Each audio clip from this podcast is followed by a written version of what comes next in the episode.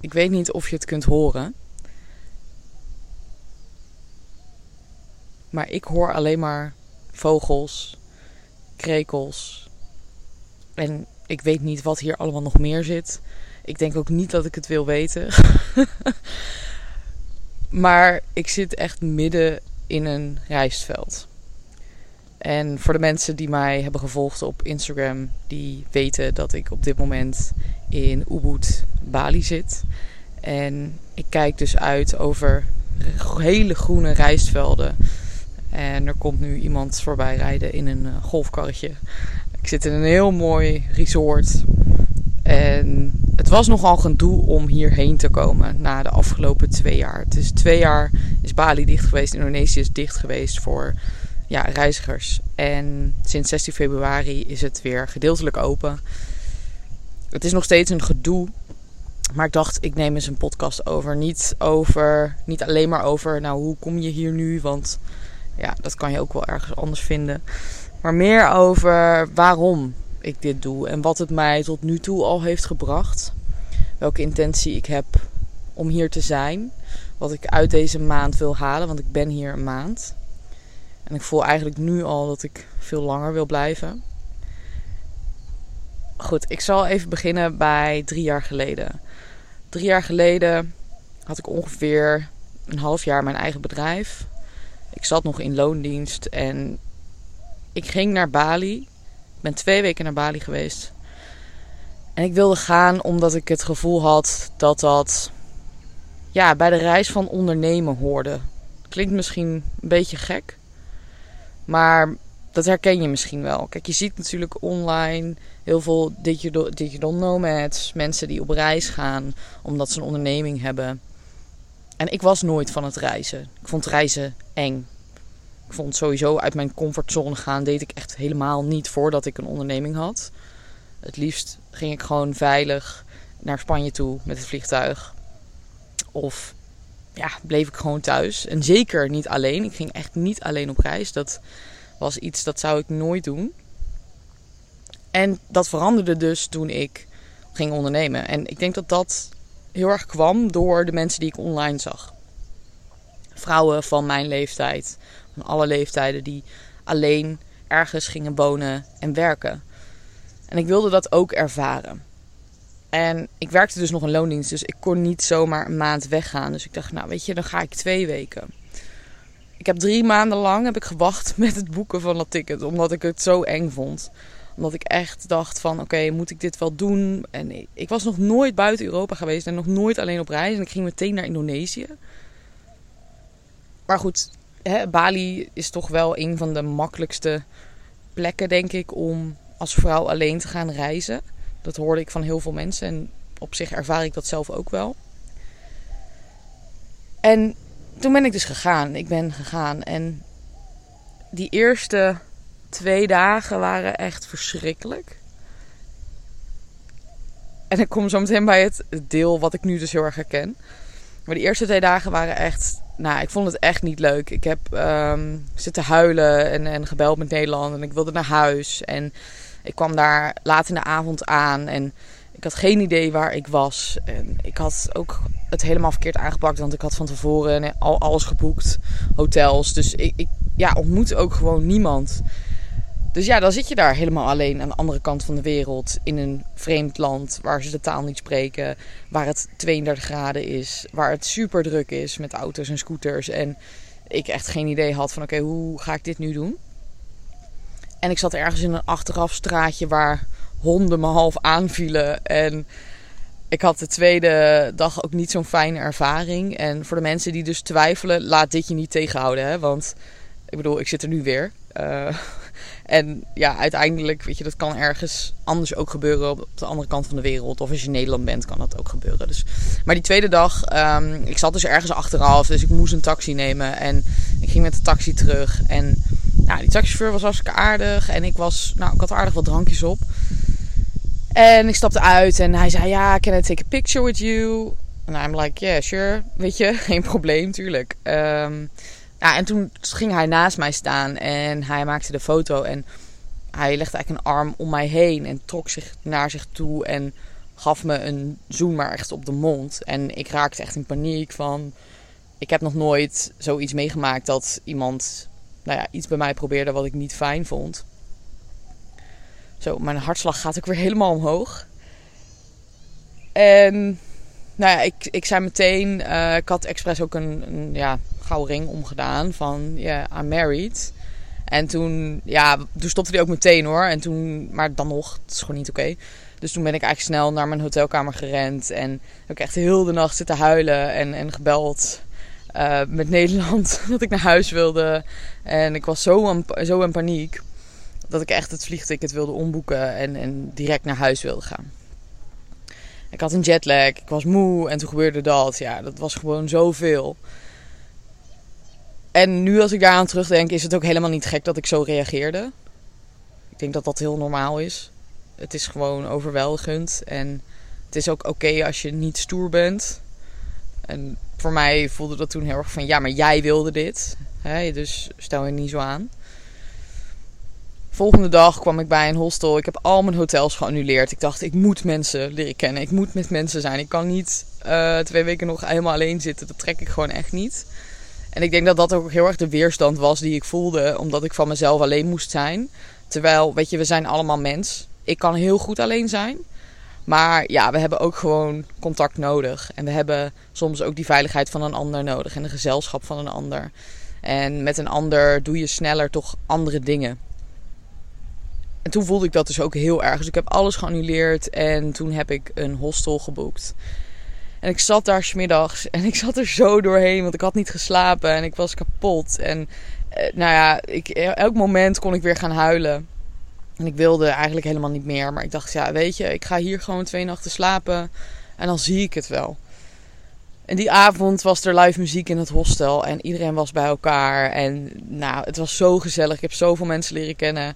En de rest van die reis was geweldig. Met mensen en ook zonder mensen. En eigenlijk dat incident was ik helemaal vergeten van wat er nou eigenlijk gebeurd was. En dat kwam dus wel weer terug toen ik drie weken geleden besloot om weer naar Bali te gaan. Ik zag dat Bali weer open was. En ik had al heel lang het gevoel de afgelopen twee jaar: ik moet weer nieuwe energie krijgen. Misschien herken je het, maar in Nederland, ik ben gewoon niet een fan van de red race. Van het binnenleven in de winter. Ik hou echt van de Nederlandse zomer, vind ik super leuk. Maar de spontaniteit mist heel erg in de winter, voel ik. En ik probeer dat voor mezelf heel erg te creëren.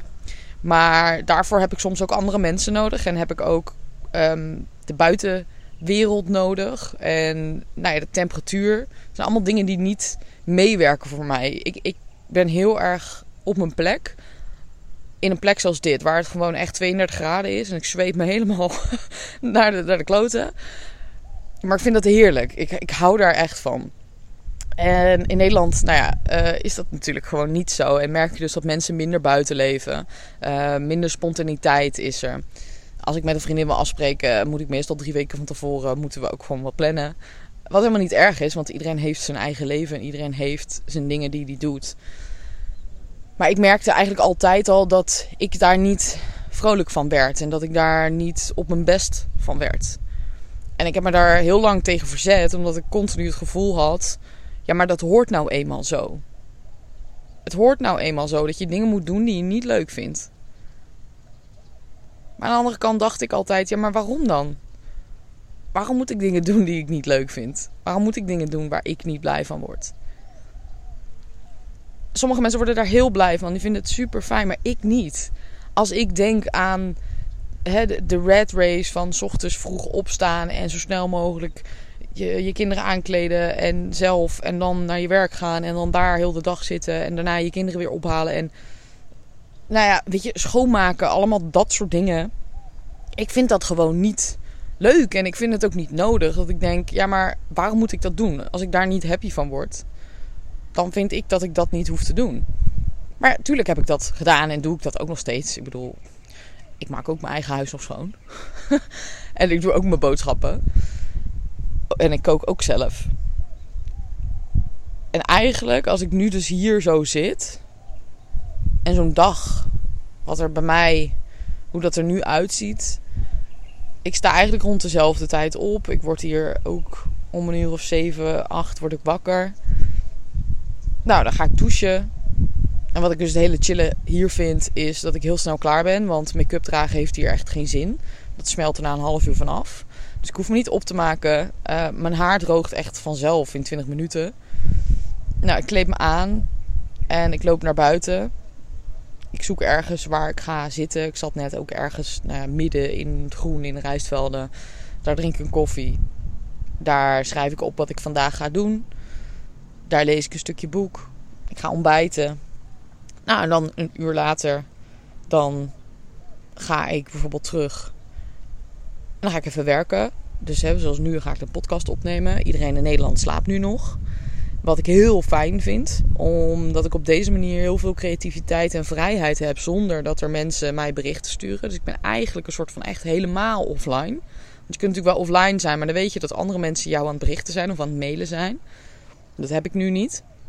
En ik weet dat jullie pas rond een uur of twee, als het hier twee uur middags is, worden jullie wakker. Dan krijg ik berichten.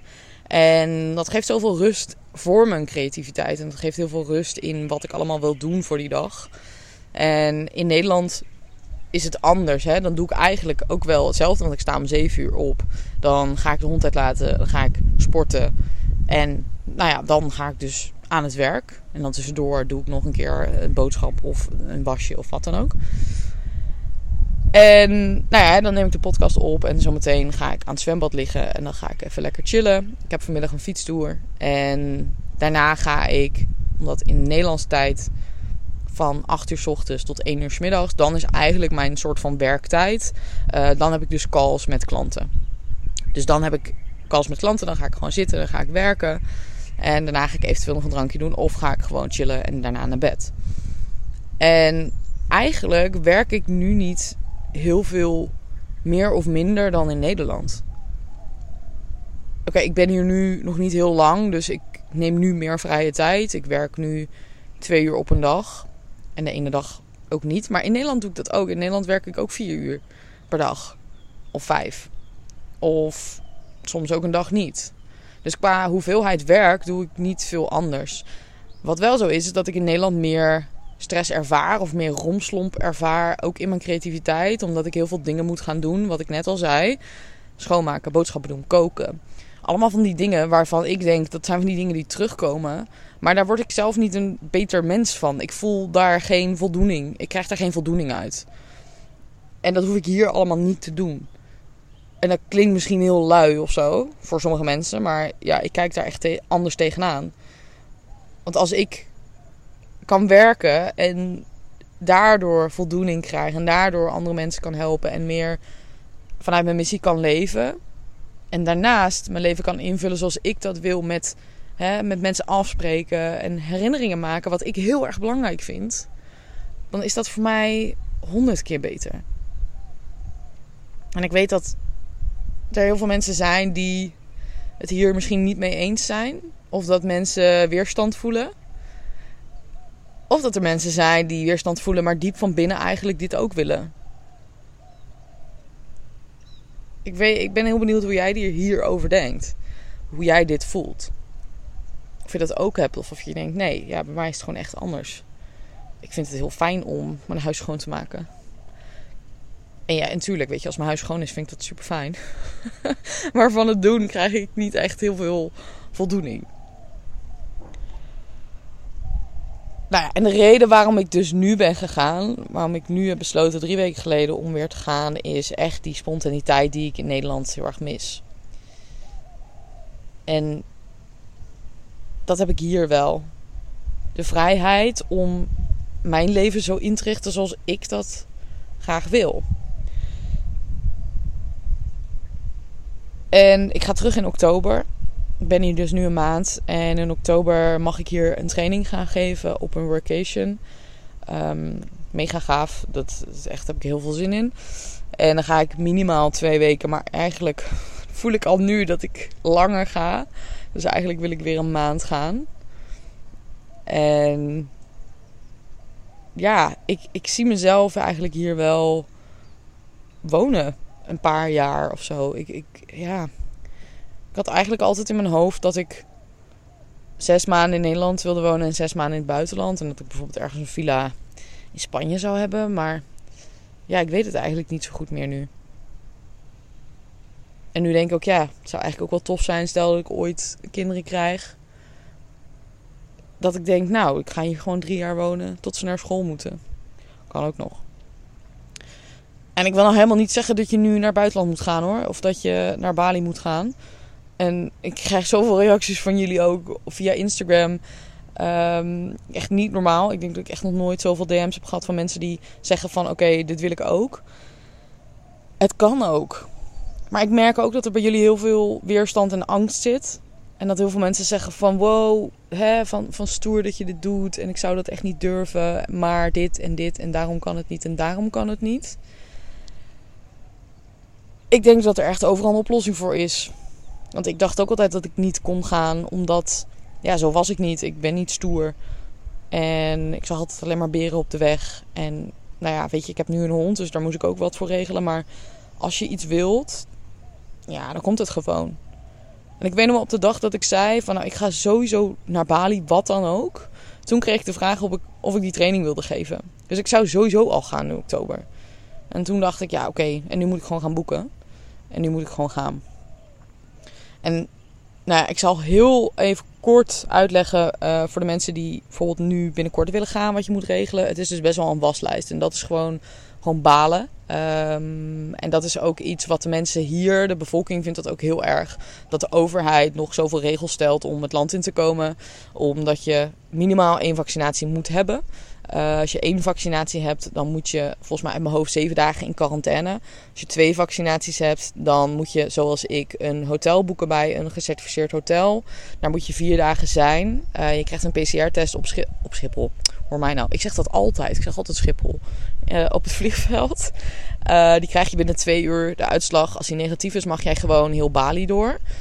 De derde dag, dus ik heb dat vanochtend gedaan, moest ik een tweede PCR-test laten doen hier in de buurt. Morgen krijg ik de uitslag. Uh, ik mag tot die tijd wel gewoon weg. Als die negatief is, mag ik door heel Indonesië reizen. Nou, dat moet je allemaal moest in een app worden gezet. Uh, ik moest een visum aanvragen, maar dat is nu veranderd. Dus je kunt nu op het vliegveld een visum kopen. En um, ja, dus dat moet je allemaal uitprinten. Je moet een PCR-test doen voordat je weggaat. Uh, denk ook aan je andere vaccinaties, zoals hepatitis, DTP, rabius. Dat moet er ook allemaal zijn. Um, je moet een customs app invoeren. Nou, ik had echt die tien documenten bij. Dus ja, ik denk dat dat voor heel veel mensen echt wel een, uh, iets is om niet te gaan. Omdat het gewoon best wel veel geregeld is.